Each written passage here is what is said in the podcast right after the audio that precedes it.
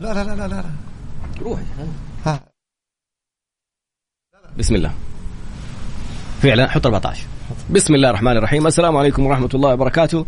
بسم الله الرحمن الرحيم والصلاة والسلام على نبينا محمد وعلى آله وصحبه أجمعين. رب اشرح لي صدري ويسر لي أمري واحلل عقدة من لساني يفقه قولي.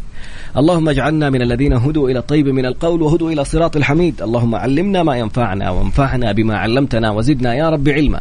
عسى أن يهديني ربي لأقرب من هذا رشدا. على الله توكلنا. ربنا آتنا الحكمة وفصل الخطاب. ربنا آتنا رحمة من عندك وعلمنا من لدنك علما. إنا إن شاء الله لمهتدون. أبو محمد أسبوعين متواصلين. أنت live قفل. لا عشان ما اضغط live أيوة. روح live اديها بث. أيوه روح. بسم الله الأسبوع الماضي كان الموضوع عن الزواج السري والزواج بطرق غير رسمية والمشاكل المرتبطة في هذا الموضوع والعقبات وقصص كبيرة وكثيرة جدا من من الأمور اللي حصلت وما ترتب عليها من زواج بطريقة غير نظامية. اليوم موضوع مختلف والتفاعل فيه خرافي. الموضوع بكل بساطة إذا أحد وعدك بالزواج أو إذا انسانه وعدتك بقبول الزواج ثم نكثت عهدها أو وعدها أو هو قال لك الكلمتين هذه ثم نكث بعهده. فما الذي سيحصل؟ وما هي وسائل الإثبات؟ استمع واستمتع مع المستشار القانوني المحكم الدولي المحامي خالد أبو راشد. طربنا. مين؟ بسم؟ الله الرحمن الرحيم. الحمد لله رب العالمين والصلاة والسلام على نبينا محمد وعلى آله وصحبه أجمعين. أهلا وسهلا بك طراد. أول شيء طبعا وب Mix FM وبكل اللي بيتابعونا عبر آه، Mix FM وعبر مختلف وسائل التواصل. نبدأ مباشرة في حلقة مهمة جدا ومن الواقع اليومي. يا طراد أهلا وسهلا بكم جميعا. نبدأ على طول بهذه القضية. خليك معايا يا طراد. تمام. شايف لو أن شخص تقدم إلى عائلة وخطب بنتهم جميل. تقدم وراح هو وأهله والرجال وعملوا يعني إحنا مثلا في بعض العادات نسميها قريان الفاتحة أو الخطبة الشرعية وخطبوا هذه الابنة بكل شكل رسمي وكل شيء يعني إيه؟ طيب. وبما أنه سارت الخطوبة قلة من العوائل يقول لك خلاص خطيبها. وجاء واهله خطبوها ويخرج معاها. يطلعوا يروحوا يتعشوا يروحوا مطعم يروحوا كذا. خلاص خطيبها يعني خطبة. لم يعقد قران؟ ما ما صار عقد قران. أوكي. برافو عليك يا طراد. ما صار عقد قران ما في ملكة ما في أي شيء. مجرد خطبة. طيب أو خطبة. خطبة. طيب. والله وأصبحوا يخرجوا ويروحوا ويجوا بحكم إنه خلاص إن شاء الله حيحددوا موعد للملكة وموعد للزواج من هذا الكلام. وفي إحدى المرات اللي خرجوا فيها يعني مثلا العشاء أو كذا يعني يحبوا بعض وخطبه و- ويعني ولحظات حميمية وحصل ما حصل بين- ونام بين معاها الرجل وزوجته. وطبعا ما أصبحت بكرا. مم. نعيد حصل اللي حصل ونام معاها وطبعا خلاص يعني نام معها ما أصبحت بكرا. ثم فقدت عذريتها. لم يكمل الخطبة.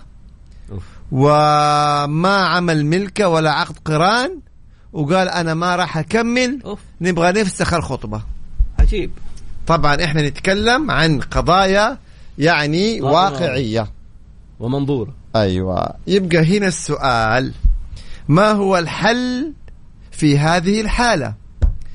ما هي الكارثة التي وقعت؟ هذه الإبنة. التي تم خطبتها قراءة فاتحة خطبة لا في صك زواج ولا في صك طلاق ولا عقد نكاح وليست بكرا ولم تعد بكرا. شوفوا هذه المصيبة. يلا كيف هذه نلاقي لها حلول؟ يا لطيف بسبب الاستهتار بسبب التفريط والثقة الزايدة لا إحنا نثق في أولادنا لا إحنا نثق يعني حتى لو بحسوا النية وإنهم حين- حيتملكوا وحيتزوجوا حصل اللي حصل وجاك ال- العريس وقال بطل أنا ما بفسخ الخطوبة ما أبغى أكمل أعوذ طيب بالله. هاي إيش كذا الحل؟ حصلت يا طراد وحصلت عدة مرات فإيش المش... كيف يمكن أن يحل هذا الأمر؟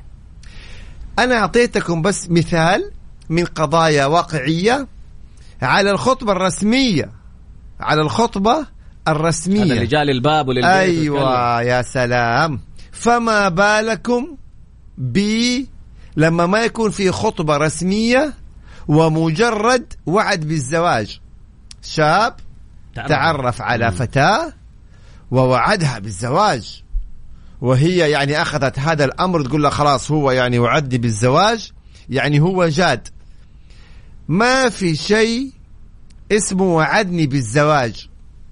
جاد هذا بيت أهلي. روح أخطب وسر الملكة الله يبارك ويوفق.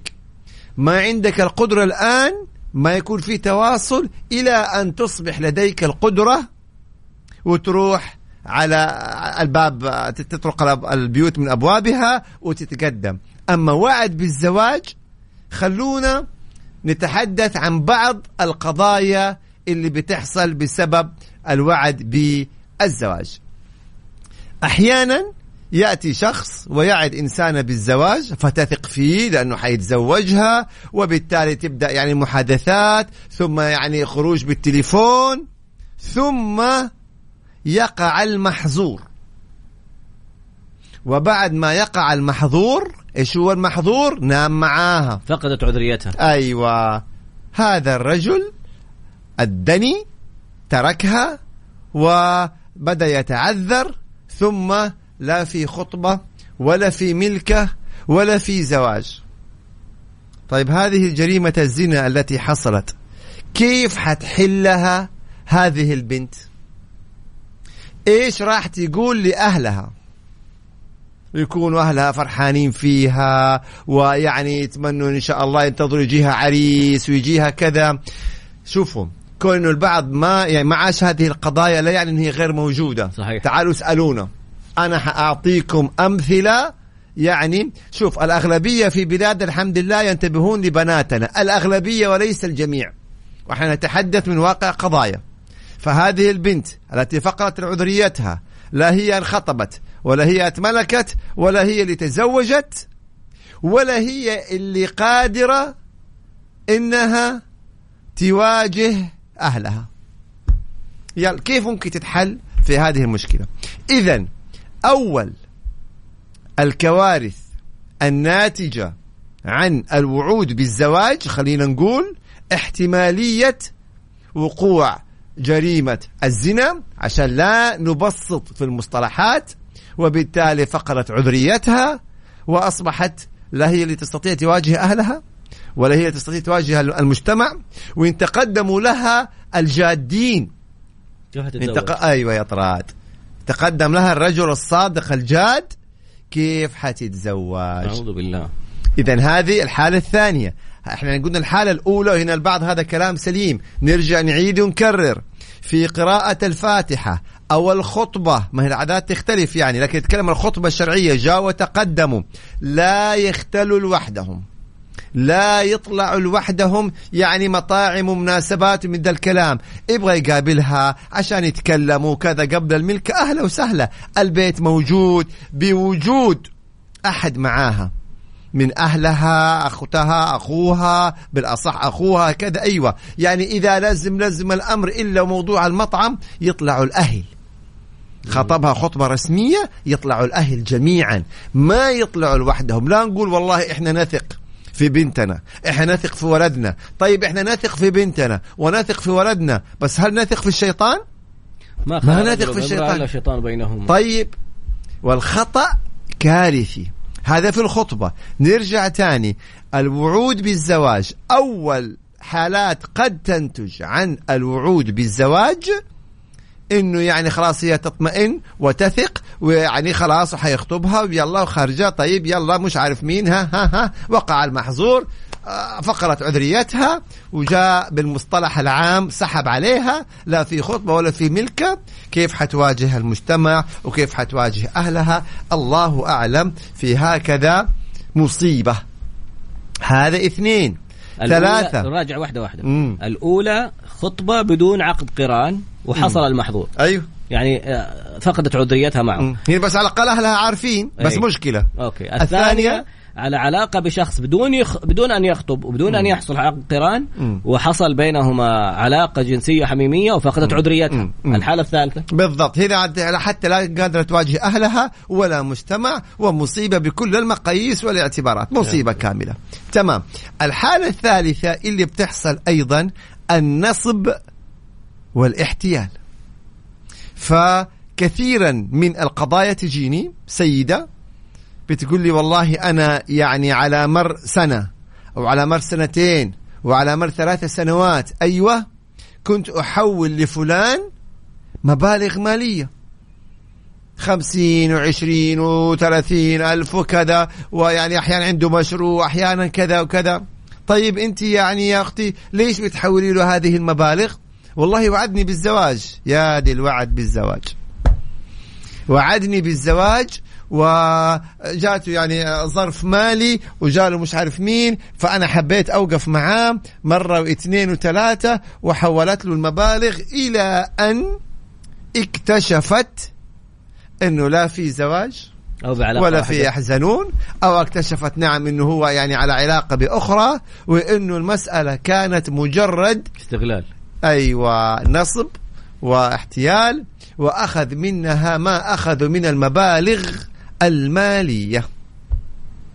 طبعا هنا يعني هي الحالتين مع بعض. تقيم تفضل. تفقد علاقتها أو تفقد عذريتها ويكون أخذ منها مبالغ خلينا. نقول ما حصل. خلينا بس إحنا خلاص هذيك تكلمنا عنها الحالة الثانية اللي بتحصل إنه ما يكون حصل شيء بينهم ولكن أخذ فلوسها وأخذ أموالها تحت عنوان الوعد الوعد بالزواج. يلا بهذه الحالة لابد إنه هي تروح مثلا في المحكمة وترفع قضايا إنه هي يعني أقرضته وتطالب بهذه المبالغ ويعني طبعا سوف تسأل أنت حولتيه على أي أساس وإيش العلاقة اللي بينكم بس في القضاء حينظر في في الشق المالي يعني. طبعا طالما في حوالات يعني القرض ودخلنا في تفاصيل واحيانا يا طراد بل من بعض ال- ال- المآسي. اللي بتعدي علينا إنه يخليها تستدين. أوف. تقترض باسمها عشان وتعطيه تعطيه. المبلغ. وتورط هي في القرض. بل والبعض منها يكون محترف. يخليها تقترض ويستلم منها المبالغ نقدا. عشان لا يكون برافو عليك يا طراد. يقول لا لا أنا حسابي موقوف. خدماتي موقوفة. ما أبغى أحد يعني يطلع على الحسابات. فيبدأ يأخذ منها أو يستلم منها المبالغ نقدا. فهنا حتى لو تبغى تقاضي ما عندها إثباتات إنها سلفته هذه المبالغ. يمين يمين. يعني اللي يأكل فلوس حرام ويضحك على بنات الناس. حتفرق معاه اليمين يا طراد؟ ضاعت فلوسها وربما أيضا تستمر في سداد يعني. الديون يلا. اللي عليها. شوفوا كيف إحنا يعني بننتقي لكم هذه القضايا. اذا هذه الحالة الثالثة من الوعود بالزواج. سمع يا طراد سمع قول ليش الحالات الثلاثة. خطب ولم يعقد قرانه عليها ودخل بها. فقدت عذريتها. هذه الأولى. الثانية بدون خطبة على علاقة بها وحصل بينهم علاقة وفقدت عذريتها. الثالثة طلب منها مبالغ مادية ولم يسددها وفي النهاية في كل الحالات هذه كان يعدها بالزواج وما تم. إيش الحل؟ وطبعا راحت فلوسها وكمان إذا كان يستلم نقدا يعني ورطها وأخذ فلوسها. الجواب في الفقرة القادمة بعد قليل. باقي باقي الحاله الرابعة. نقول الحالة الرابعة بعدين نسوي يلا. نقول الحالة الرابعة. الحالة الرابعة أيضا يكون في وعد بالزواج وبالتالي تثق. ما هو وعدها بالزواج. ويخرجوا ويروحوا مطاعم ومكالمات وصور ها وصور ويعني محادثات يعني معينة وإحنا يعني لما حنتزوج حن كذا. المهم بعض التفاصيل وبعض المصطلحات تحت عنوان الوعد بالزواج. أوكي. ثم تأتي البنت نفسها وترفض. كيف؟ تبطل. وجدته غير جيد. ما ما تبغى تتزوجه. لأي سبب ما. ما ما, ما هذا. تمام. يبدأ يبتزها. آه بالصور اللي بينهم. طبعا. وأنا على كيفك. أنت تجلسي تعشميني. وأطلع معاك عدة مرات. وأعزمك على مطاعم. ومش عارف إيه. و- وتعلقيني فيكي من دي المصطلحات يعني. وبعدين تقولي لي والله ما أبغاك. يبدأ هنا بالابتزاز. عنده صور وهم تصوروا ويمكن محادثات وإما يبدأ في استغلالها استغلال مالي. يلا يا تحولي لي يا كذا يا كذا والله أنا وري كذا. أهلك. أيوه بالضبط. هي أو استغلال جنسي. أوف. طبعا إذا ما جيتي عندي اليوم في في في, آه، في المكان اللي هو يحدد عاد غرفة فندق ولا كابينة ولا مشقة ولا استراحة ولا أي مصيبة. تمام؟ أنا إيه حافضحك وقد تكون هي يعني من السذاجة أو من الخوف من الفضيحة أو أو تستجيب لطلباته فتقع في مصيبة أكبر وأكبر وأكبر. اذا عندنا اليوم أربع حالات يعني ينتج عنها مآسي مختلفة الأنواع أقلها النصب المالي. أقلها. وأقصاها والعياذ بالله يعني فقد البكارة والعذرية والأمور هذه كلها من الوعود بالزواج إلا شاب يعد البنت بالزواج. بعد الفاصل يا طراد نبغى نتكلم عن العكس. ده البنت اللي وعد أيوة والعكس صحيح. آه. وحأعطيكم قضايا على ذلك. وفيها فلوس كمان. طبعا. تمام. فطراد الحين يروح يسوي إعلانات.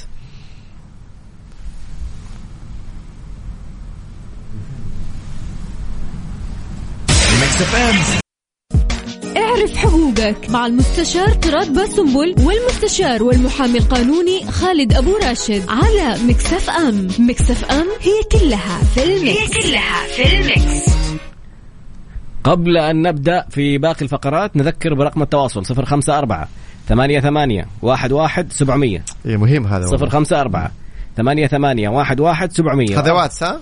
هذا على الواتساب. عشان ما حقدر أقرأ رسائل من الانستغرام حاطينه بعيد عشان إحنا كلنا بعدين. آه، أبو محمد تكلمنا عن الحالة الأولى اللي يخطب إنسانة ومجرد خطوبة ما صار عقد قران ودخل عليها فقدت عذريتها ولم يتم موضوع الزواج بعد أن كان وعد به. ال- الحالة الثانية اللي وعد إنسانة بالزواج وما كان خاطبها أصلا وصارت بينهم العلاقة وفقدت عذريتها وأخل بوعده. الحالة الثالثة وعدها بالزواج وأخذ منها مبالغ عشان يوعدها بالزواج، أخذ منها مبالغ وبعدها أيضا أخل بعهده وسحب عليها على قوله. أيوه إيش باقي؟ باقي ال- الابتزاز؟ الابتزاز. كان على علاقة معها أو خطبها أو في أي حالة من الحالات اللي تكلمنا عنها. وكان بينها وبينه مراسلات لصور آه، نوعا ما حميمية هم أو يتصوروا مع بعض ممكن يعني. بالضبط. يا إما في وضعيات خاصة أو في وضعيات غير لائقة إن كان لها لوحدها ولا إن كانت معه. فإذا حصل خلاف يبتزها بالصور اللي كانت بينهم. لسه في حالات ولا ندخل في الحلول؟ هنا حندخل بالعكس. يعني إحدى القضايا شخص تقدم لخطبة امرأة. أوكي. فشوف تقدم لها. حلو. بس لسه قالت له لا أصبر لسه الظروف لسه مش عارف إيه زي. كذا. أيوه. طيب ماشي الحال. ووالدتها تعلم إنه هو حيتقدم أيضا إيه، للخطبة بس لسه يعني مجرد طلب يعني. طيب. وبدأوا يخرجوا. ويتعشوا ويتغدوا. وبدأ إيه أنا ما عندي سيارة مشكلة راح الرجال من المحبة مطلع لها سيارة.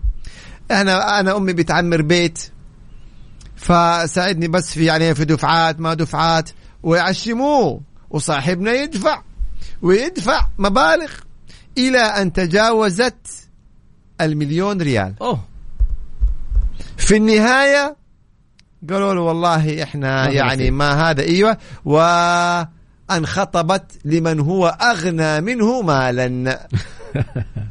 وراحت فلوس يا صابر. هذا الرجل تخيل يا طراد استمر معها سنة ونص. سنة ونص وهي يعني سامحونا شغالين على التقيل. أيوة طبعا ما هو الناس يعني ما درجات برضو مستويات. فوق المليون. سنة ونص وهي يعني معناه يسامحونا في المصطلح هذا.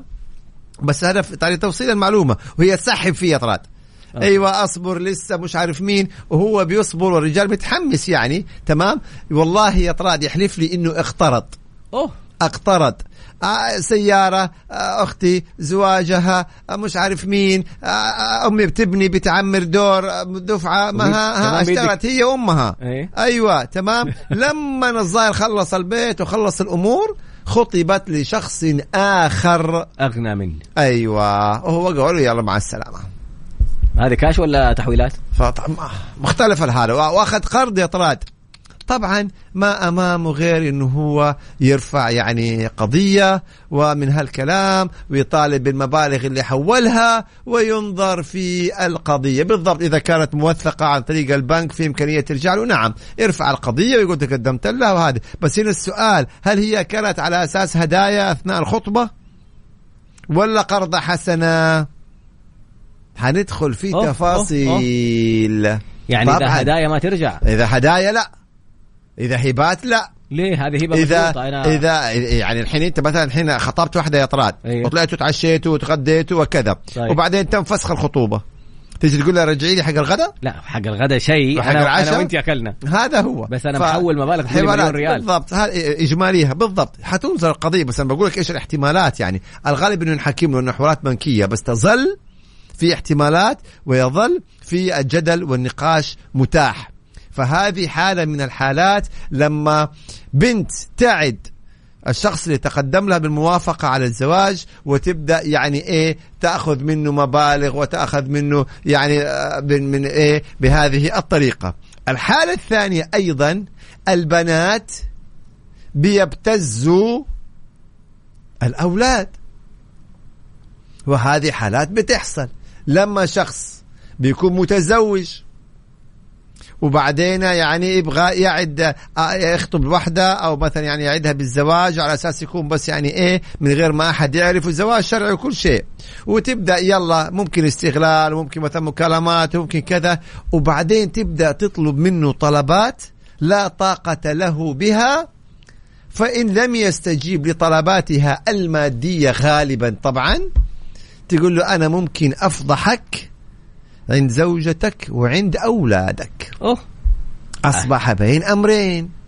إما إنه هي حتفضحه وترسل لزوجته وأولاده المحادثات والمراسلات ومن هالأمور. وتبين لها أنها على علاقة أيوة. أو إنه يستجيب لطلباتها. طب أنت يعني كيف كنت على علاقة؟ كانت موافقة. وكانت بتقول لي يعني إنه هي موافقة على الزواج بس عندها ظروف الآن أهلها والدها مش عارف مين فأنا استمريت معها بثقة إلى أن يأتي موعد الزواج. وبالتالي هنا يقول الرجال ما يهمه ابدا الابتزاز ابدا ابدا الكلام هذا غير صحيح يا غالي. بل إنه في حلقة من الحلقات تشرفنا باستضافة فضيلة الشيخ رئيس هيئة الأمر بالمعروف والنهي عن المنكر. و أعطانا في ذلك الوقت أمثلة كثيرة جدا لرجال أعمال ورجال يعني لا. لهم وضعهم. من سيدات. من سيدات. يعني للأسف الشديد كانوا على علاقة محرمة أو علاقة غير شرعية أو صور أو تبادلات وكانوا يتصوروا في أوضاع يعني مخلة. ومن ثم يبدأ الطرف الثاني اللي هم الحريم يعني المرأة وتقول له يلا يا إما تستجيب وتدفع المبالغ يا إما أنا أنشر صورك في وسائل التواصل. انشر صورك انشر صورك في تويتر وفي الفيسبوك وفي كل أماكن التواصل آه، وسائل التواصل. فكيف ما يبتز الرجل؟ يعني الرجل ما عنده يعني كرامة ما عنده أهل ما عنده زوجات بنات آه، مجتمعه. فالابتزاز بيتم من الطرفين. فأيضا ممكن للفتيات انه هم يبتزوا الأولاد من خلال إنه يكون على علاقة أو صورة وكذا ويبدأوا بعد كده يهددوهم مثلا عند زوجاتهم ولا عند مجتمعهم ولا وظيفتهم ولا عملهم ويا ادفعوا يا كذا هذا حالة أو الحالة السابقة اللي هي طبعا آآ آآ زي ما قلنا جزئية إحنا قلنا. هم؟ إطراد اللي هي الحالة الأولى إطراد. إحنا قلنا الآن ابتزاز إنهم يفضحوهم. إيوه أو يأخذوا مبالغهم المالية وبعدين يسحبوا عليهم. فهذه يعني موضوع أو فكرة حلقة اليوم أن لا يصح إلا الصحيح وبشريعتنا الإسلامية. وما في شيء اسمه وعد وما وعد بالزواج. تبغى تتزوج؟ هذا باب أهلي موجود. بيت أهلي موجود. روح أخطب خطبة رسمية. وحالات كثير والله أبو محمد. يعني أنا أي. جاني استفسار عن. أحد يلا. الحالات. مم. نفس الحكاية. إنسانة من عائلة معروفة تم الموضوع معاها على أساس إنه وعد بالزواج وأحتاج مبلغ. نفس الفيلم اللي جالس اتكلم عنه. هذا مبلغ وحصل بينهم العلاقة وفقدت عذريتها وبعد هذا كله راح تزوج واحدة ثانية. تفضل. يلا حلها. هذا هو. هنا السؤال؟ بيقول إيش آه okay إيش عقوبة اللي يبتزون؟ عقوبة الابتزاز السجن والابتزاز من الجرائم الموجبة للتوقيف يعني إذا شخص تعرض لابتزاز سواء رجل أو امرأة يتقدم إلى الشرطة ويقول أنا بأتعرض للابتزاز ويقدم لهم طبعا الأدلة يعني إذا كان الابتزاز مثلا عن طريق رسائل نصية رسائل واتس إيميلات محادثات قام بتسجيلها. وهنا في هذه الحالة حيتم استدعاء هذا المبتز وإيقافه وإحالة القضية إلى النيابة. عضو النيابة سوف يحقق في قضية الابتزاز فإن ثبت له ذلك حيعمل لائحة اتهام ويحولها إلى المحكمة الجزائية. القضاء سوف ينظر في هذه القضية فإن ثبت للقضاء هذا الابتزاز سوف يحكم طبعا بإيه؟ بالعقوبات الخاصة بالابتزاز من سجن وخلافه في الحق الخاص وفي الحق العام أيضا.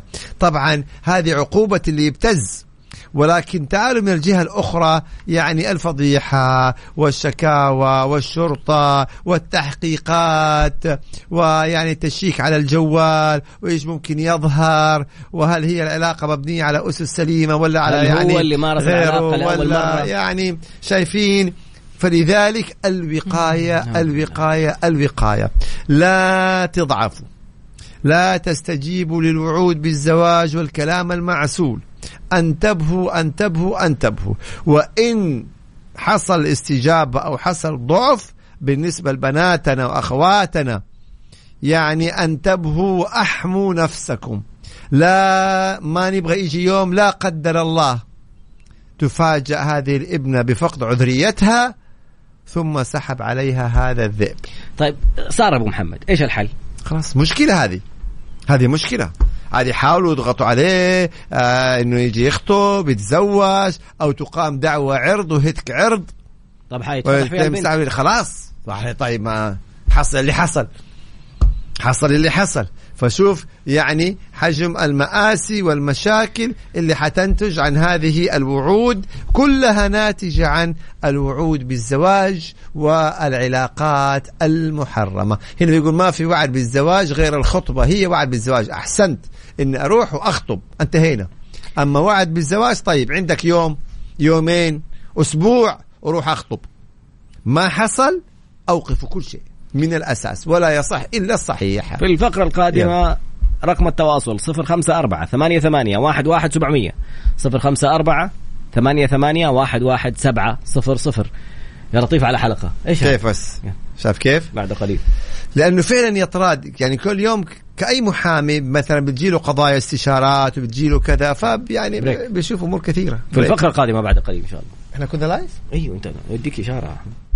كناي أنا أقدر مع المستشار على Mix FM. Mix FM هي كلها في ال Mix حقوقك مع المستشار طراد باسنبل والمستشار والمحامي القانوني خالد أبو راشد على Mix FM. Mix FM هي كلها في ال Mix هي كلها في ال Mix عودة مرة أخرى للحلقة. والمجمعة لازم كل المدن اللي بيتابعونا منها على راسنا والله تابعونا يعني ما شاء الله تبارك الله متابعات دولية صايرة في للحلقة من فضل الله ومتابعينا أبو راشد على تويتر. حتى يقول أهلك من مكة والنعم بيكم وبمكة وبالمدينة بخميس مشيط وبالمجمعة وبريده حجم متابعة والطائف عاد في أحلى من الطائف وجو الطائف يا شباب ما كأننا قلبناها جغرافيا شوية.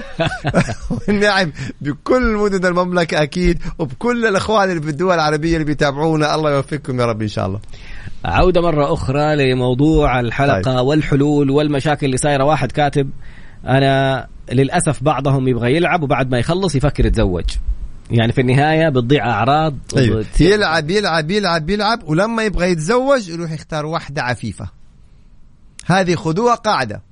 يتعرف على واحدة واثنين وثلاثة وأربعة وبعدين اللي يروح يتزوج له. واحدة عفيفة.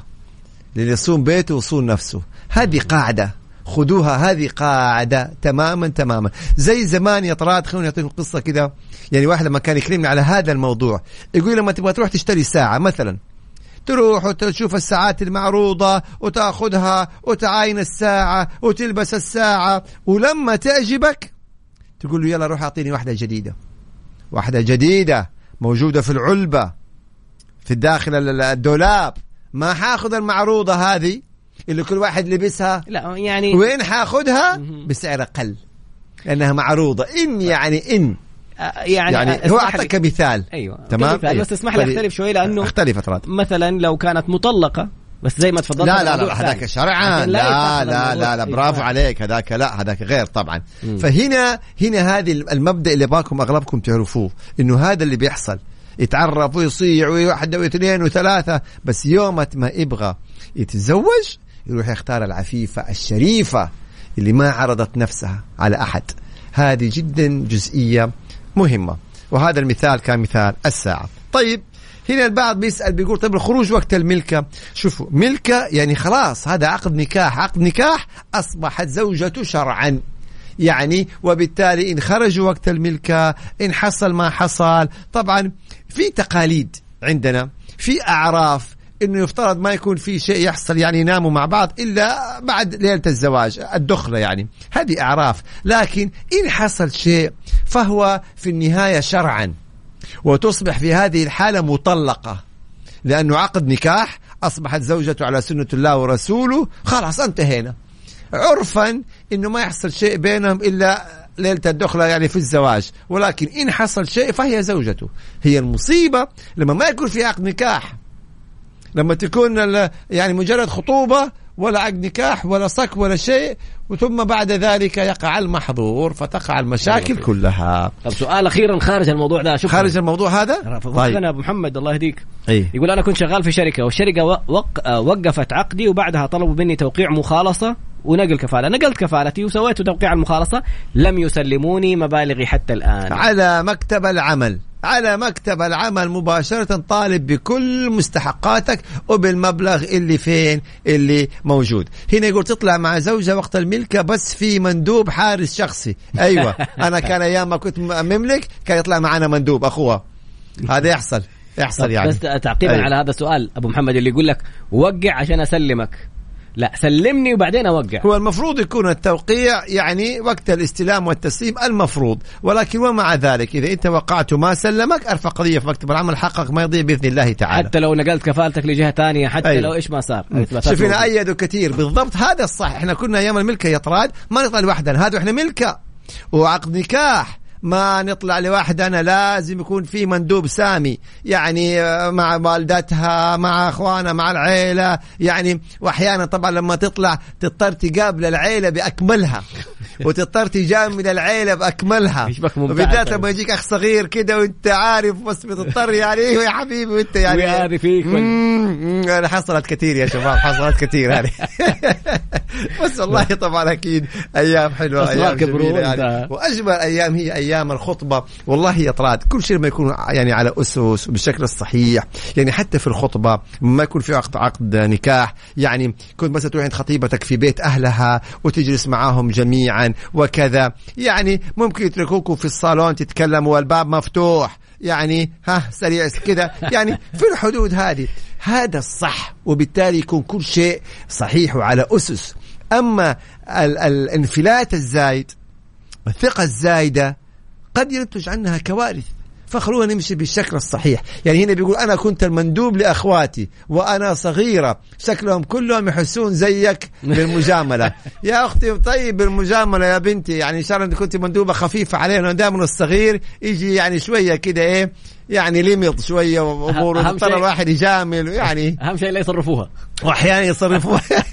ما بالضبط يا طلال. يا من حاولنا وفشلنا يعني يا ولدي روح اشتري حاجة طب كذا طب روح. ألعب. جاء جال يا حبيبي روح ألعب في الألعاب إحنا قاعدين على الطاولة. ما في فايدة.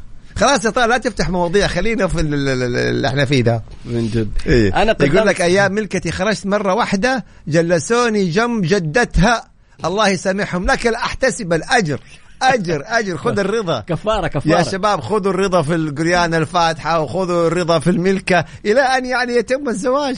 يعني تهون الأمور. طولوا لنا بالكم والله شباب مستعجلين. أنا قدمت سند لأمر على ناجز وصدر لي قرار تنفيذي 46 ولي سنة على هذه الحال. هل في خطوة أخرى ممكن أعملها بعد كذا إحنا دائما نتحدث إنه بالنسبة لمحكمة التنفيذ تابع مع القاضي. أطلب منه أن يفحص أمواله في آه، من خلال آه، البنك المركزي اللي هو مصدر نقد سابقا ويشوف إيش في ممتلكات. ويخاطب كتابة عدل فإذا في أموال يتم سحبها إذا في ممتلكات ممتلكات يتم بيعها فتابع تابع إلى أن يعني إيه؟ إلى أن آه، كذا يعني يقول لك كلمنا عن سرقة البراءة براءة الأطفال في التواصل الاجتماعي. سرقة براءة الأطفال في تواصل اجتماعي. يعني يمكن ماني قادر أستوعب الموضوع محمد، بعضها- كثير. بعض الناس يطلبوا من آه، من مراهقات ولا مراهقين بعض مم. الصور حسبي. الله ونعم أي الوكيل. فعلا هو بتصير هذا تحرش ويبتزوهم هذا. تحرش يدخل ضمن التحرش مو بس استغلال يدخل إذا كان اللي قال لها أطراد لا هذا يدخل في تحرش وفي ابتزاز وجرائم كبيرة أما إذا كان من أهاليهم من أهاليهم يعني إنه تكون طفلة وطول النهار خايف بالإعلانات بالضبط. وطول النهار في وسائل التواصل وطول النهار كذا يعني ويرهقها. يعني يا أخي الكريم سبحان الله أنا لي وجهة نظر خاصة. خصوصيتك خصوصيتك. بيتك هذا خصوصيتك.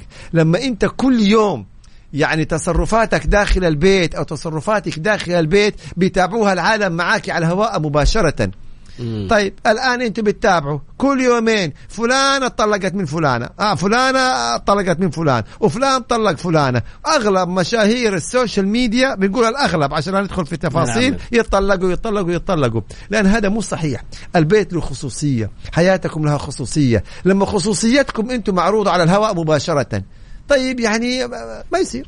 الغداء على مين؟ علي كالعاده لا اليوم آه، اليوم أنا اليوم عندي TEDx. حنكون إن شاء الله في جامعة الملك عبد العزيز. TEDx. يعني في النادر يا طبعا يا رجل. نادر. ولا؟ أتذكر. ولا أتذكر. طيب الفقرة القادمة بعد قليل إن شاء الله. اي آه، تذكير برقم التواصل 054 88 77 آه، استنى والله بدأت ألخبط. يلا.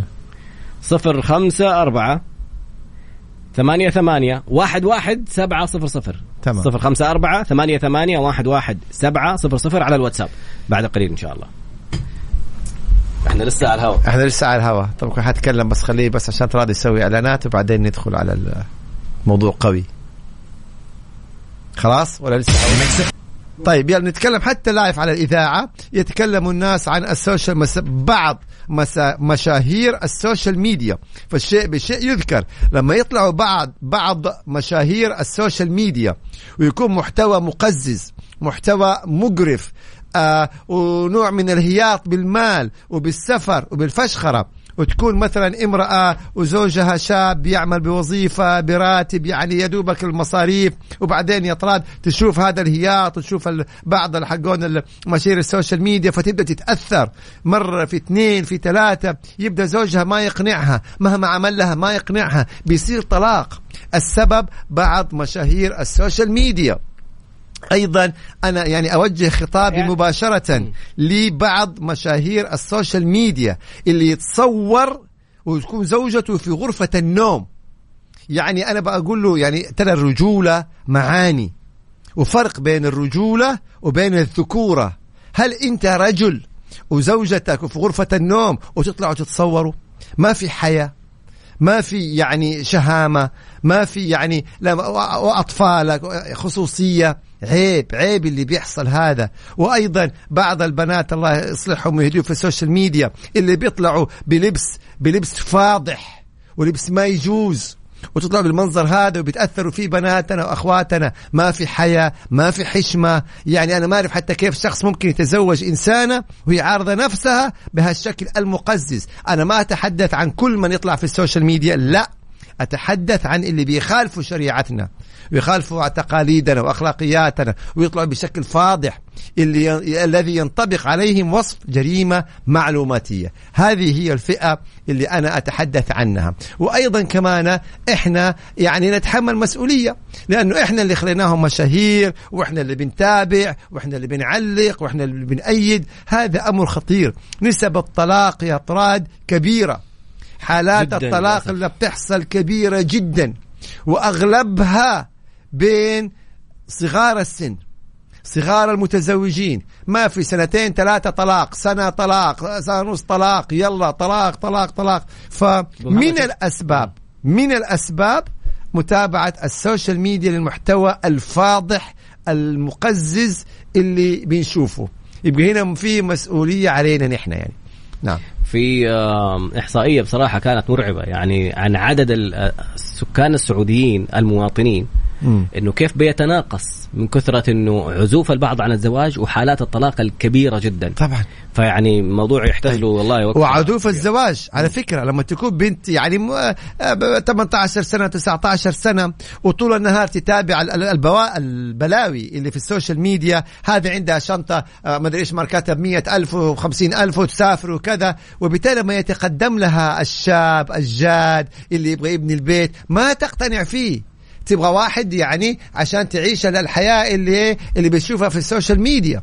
فما بالك بالمتزوجات اللي بيطلقوا بهذا الأساس. والعكس صحيح. يعني الشاب اليوم اللي تكون زوجته عفيفة شريفة بتصونه محتشمة ويشوف يعني بعض اللي بيطلعوا في وسائل التواصل يعني يعني إيش بدي أقول لك؟ بلبس نوم. يعني بشيء فاضح. فيبدأ يعني يتأثر يبدأ كذا. كل هذه من الأسباب. هنا البعض يقولوا عشان الإعلانات. معقول؟ معقول إنسان يعني يبيع حياءه وعفته وكذا عشان مشاهدات أو عشان فلوس إلى هذه الدرجة. الإنسان أصبح رخيص. طيب. فيعني أرجوك. خلينا نلحق عشان اسئله حقيقي. السلام عليكم جميعا. أنا زعلوني والله بالموضوع هذا يا طراد. إيه لا بس عشان ما شاء الله ما لحقنا حيخلص الوقت وما قرينا أسئلة. السلام عليكم جميعا وفتح الله عليكم. اشتريت شقة تمليك من ضمن الشروط تركيب عداد مياه مستقل ولم يتم التنفيذ إلى الآن وهذا إلزامي شرطي في رخصة قاضي أرفع عليه قضية فين؟ وعن في المحكمة العامة وأطلب بإلزامه الشخص اللي انت اشتريت منه بتركيب مثلا عداد المياه أو من هالقبيل ويصدر عليه حكم. المؤمنون على شروطهم ما لم شرطا يحلل حراما أو يحرم حلالا. فطالما هنالك عقد بيع والتزم فيه البائع بتأمين عداد بأي شروط فيلزم البائع بذلك، البعض يقول عندك سناب شات؟ لا والله الحمد لله هو تويتر، أحيانا من تويتر نشوف لقطات يعني والله لا يوريكم. يا لطيف. مم. أسمع السؤال هذا. أخت قذفت أختها وبنتها بكنايات للزنا المعروفة بالشوارع وبالسب والشتم والتهديد عن طريق رسائل صوتية مسجلة في محادثة خاصة في الواتساب. السؤال ما هي جهة الاختصاص للنظر بهذه الدعوة؟ هل المحكمة الجزائية أم الشرطة؟ طبعا هنا نقول حسبنا الله أمن. ونعم الوكيل. وطبعا المحكمة الجزائية هي المختصة في قضايا القذف. وتخيل لما القذف يكون بين أختين. يا لطيف. يعني أختين يتم بينهم أو يصل الأمر بينهم إلى حد القذف. أتمنى يعني في البداية إنكم تحاولوا يعني تدخلوا الأهل تدخلوا الأقارب حكماء في العيلة لأنه أنتم أخوات. يعني قدر الإمكان. ويبقى في النهاية الحق حق والشرع شرع. فالمحكمة الجزائية هي المختصة بهذا النوع من الجرائم وهذا حد عند الله عز وجل. إذا ثبت هذا القذف. طيب والدي رحمة الله عليه لديه قرض عقاري عن طريق شركة تمويل عقارية من ضمن أوراق العقد ورقة إفصاح عن الأمراض المزمنة حيث كان عمره في ذلك الوقت فوق الستين سنة. تم رفع مطالبة لإسقاط المدة المتبقية وتم الرد بالرفض من شركة التأمين وهي طرف ثالث حيث أن سبب الوفاة كورونا. هل يعتبر الرفض صحيح هم كاتبين الرفض عدم والله الإصلاح؟ شوف دائما إحنا هنا نتحدث عن هذه المواضيع فيها عقود وفيها بنود فما نستطيع إنه إحنا نفتي فيها. مم. تمام؟ هنا ما يتحدث عن عدم الإفصاح. اذا أنا هل كنت مريض قبل التأمين. العقد؟ آه. هنا أنا لازم أفصح. أما إذا أنا أفصحت بالشكل الصحيح وبعد ذلك مرضت طيب أنا مرضت بعد العقد. يبقى السؤال المرض كان قبل العقد وبالتالي ما كان في إفصاح؟ يبقى الموقف الشركة صحيح ولا جاني بعد العقد؟ فنرجع للعقد ونرجع لنوع المرض ولتاريخ المرض حتى أن إيه نستطيع تت- تتضح الصورة. وممكن نحكم على أساس أو نبدي الرأي طبعا الحكم للقضاء. وقعت عقد حجز شقة تمليك ودفعت جزء من العربون ولكن تراجعت ولم أواصل. تفاجأت بالشركة تطالبني بمبلغ العربون بالكامل وإلا تقدم علي شكوى. هل كلامهم صحيح؟ إحنا هنا نتحدث عن مبدأ العربون. مم. إذا اللي دفع العربون هو اللي بطل من تلقاء نفسه؟ طبعا راح عليه العربون ولا ما له قيمة؟ فانتبه إذا أنت اللي دفعت العربون ومكتوب أنه هذا عربون وأنت اللي بطلت بدون سبب من المالك أكيد أنت حتخسر قيمة العربون. هذه أحكام العربون وهذه شروط العربون إلا إذا كان منصوص في العقد شرط يخالف ذلك. إنه مثلا والله يحق للمشتري إنه هو يعدل أو يرجع خلال مدة معينة وما نخصم عليه شيء. الله إذا موجود شرط في العقد فالعبرة بهذا الشرط. مو موجود شرط في العقد فالعربون إذا من دفع العربون هو اللي بطل رجع عليه. طبعا راح عليه إيش؟ المبلغ. لأن العكس صحيح. لو جات الشركة وباعت حتيجي تقول تعالي أنت كيف تبيع وأنا دافع لك عربون؟ ألزمتها.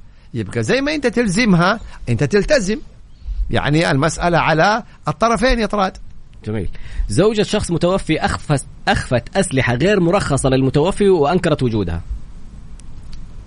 طيب يعني إنه هي دخلت هذه الأسلحة ضمن التركة يعني. ما أعرف إذا تركة ولا تسليم يسلم ما هو بتقول متوفى. أيوه. آه إذا متوفى وبيقول هي أخفتها ما في غير تحليف اليمين. تحليف اليمين فقط لا غير يعني تحليف اليمين. نعم. السلام عليكم مشاركة في موضوع المستشار. يا ريت يتكلم هنا بيقول اختصر في الإجابة أنا لي ساعة وأنا أسأل. طيب آه. إيش السؤال؟ لو جاء السؤال كان والله جاوبته أنا. طيب آه، هو مشاركه هنا جميلة بصراحة. يقول أيوه. يعني يا ريت تتكلموا عن ضرورة تسهيل موضوع الزواج عشان ما عاد يضطروا الناس على الحرام.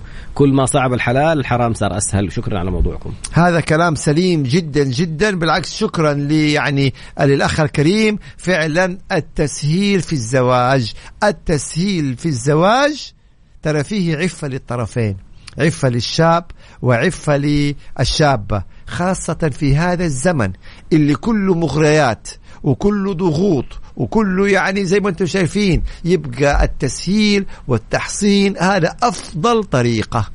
يقول ليه معصبين الناس واليوم خميس ومطر انبسطوا؟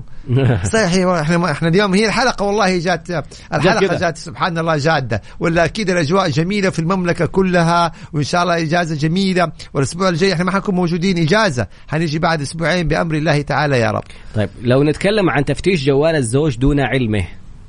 لا يحق للزوجه تفتيش جوال الزوج دون علمه ولا يحق للزوج أن يفتش جوال زوجته دون علمها وسواء كان تفتيش يدوي أو التجسس من خلال برامج إيه؟ متخصصة. هكذا نص نظام مكافحة الجرائم المعلوماتية. الدخول غير المشروع على خطابات الآخرين على خطابات على حسابات الآخرين. ونظام مكافحة الجرائم المعلوماتية لم يستثني زوج أو زوجة. وبالفعل لأنه من باب المشاكل. في أمور حلوها فيما بينكم. أما أنه ده يفتش على هذا وهذا يفتش على هذا. وقد تكون رسالة يعني بريئة طبيعية فتفهم خطأ يعني يعني يعني إذا إنت حتكملوا مع بعض وما في ثقة بينكم هذه مشكلة. فيعني خلونا نكون إيه يعني منطقيين شوي. شخص يدعي أنه مترجم يأخذ فلوس من الناس ويترجم بطريقة خاطئة أو غير صحيحة. فين يشتكوا؟ وكيف يسترجعوا فلوسهم؟ وهل يحق لهم يطالبوا بتعويض طبعا هي المفترض إنه الترجمة يكون لها ترخيص صادر من الجهة المختصة أن يكون مترجم مختص. فأما إذا كان لا تتعامل مع شخص ما بالضبط يعني طبعا. وإذا مو معتمد ترجمته غير معتمدة وما فيها خاتم فحتكون هذه غير صحيحة يعني. وممكن انكم أنتم تقاضوا. ممكن انكم تشتكوا إنه هذا يمارس أعمال الترجمة دون ترخيص. وتقاضوه أيضا تطالبوه بإعادة المبالغ. زميلتي في العمل قذفتني بشرفي أمام زميلاتي الأخريات وأنا غير موجودة، كيف أخذ حقي لو رفعت في المحكمة ورفضوا زميلاتي الاعتراف؟ آه هنا إحنا هل إذا أثبت إذا أثبت ذلك يكون علي شيء مثال تشويه سمعة وخلافه إذا ما كان في شهود؟ ما هو هنا المشكلة. مم. هنا المشكلة، إحنا البينه على من ادعى، فإذا أنت حترفعي قضية لازم تجيب الأدلة. ونتاكد من الشهود إنهم حيشهدوا. لا يورطوك ويخلوك ترفع قضية وفي النهاية ما, ما, ما يجوا يشهدوا. هذه مهمة. أو تحليف اليمين في آخر شيء. فننتبه تماما. والدي قدم 200 ألف ريال عشان يدخل بمشروع تجاري ويجني أرباح وما في أي عقد شراكة بس في ورقة قرض حسن. هل يدخل بموضوع طيب. الدين وقرض أم شراكة تجارية وله السؤال اليوم كيف ورقة قرض حسن؟ وشر تقول شراكة. وبعدين نقول مشروع تجاري. أصبح عندنا مستند يناقض الادعاء. قرضة حسنة يعني تتقدم بهذه الورقة وتطالب بالمبلغ فقط لا غير اللي أنت إيه أقرضته هو قرضة حسنة. مشروع تجاري يبقى الطالب بالمحاسبة وتشوف الأرباح والخسائر. إما هذه أو تلك. اثنين ما يصير. هذا كلام سليم كثير يحصل. يدخل مشروع تجاري ويقول طيب بس أنا عشان بضمن فلوس اللي دخلت فيها سوي لي سند. سوي لي شيك. خطأ. ما يصير. يا إما أنت شريك وبالتالي في الربح والخساره يا إما قرض. طيب. أيوة. آخر حاجة رجل نصب على فتاة قاصر وأخذ منها سبعين ألف ريال على أساس أنه يحل بعض مشاكلها ويتقدم مم. إليها بالزواج ها هذا اللي إحنا بنقوله لم يحصل فين يروح إيش الإجراء فين تشتكي على طول تقدم عليه دعوة في المحكمة وتطالب باسترداد المبلغ اللي أخذها منها هي كيف ادته السبعين ألف حوالة شيك يعني فبالتالي طالبوا باستعادة المبلغ سبحانك اللهم وبحمدك أشهد أن لا إله إلا أنت أستغفرك وأتوب إليك. انتهت الحلقة نلقاكم بعد كم؟ بعد أسبوعين. عشان الإجازة مو الخميس الجاي آخر يوم دراسة. مم. وعندهم إجازة أسبوع. يبقى بعد خميسين بإذن الله تعالى آه، نلقاكم على خير. نتمنى لكم إجابة جميلة آه، إجازة جميلة. واحد يقول لك يا طارق فين القاصر اللي عندها سبعين ألف؟ قاصر عندها سبعين ألف. كمان كمان. هي يبغوا يكملوا الناقص اطراد استودعكم يلا السلام عليكم. نشوفكم على خير.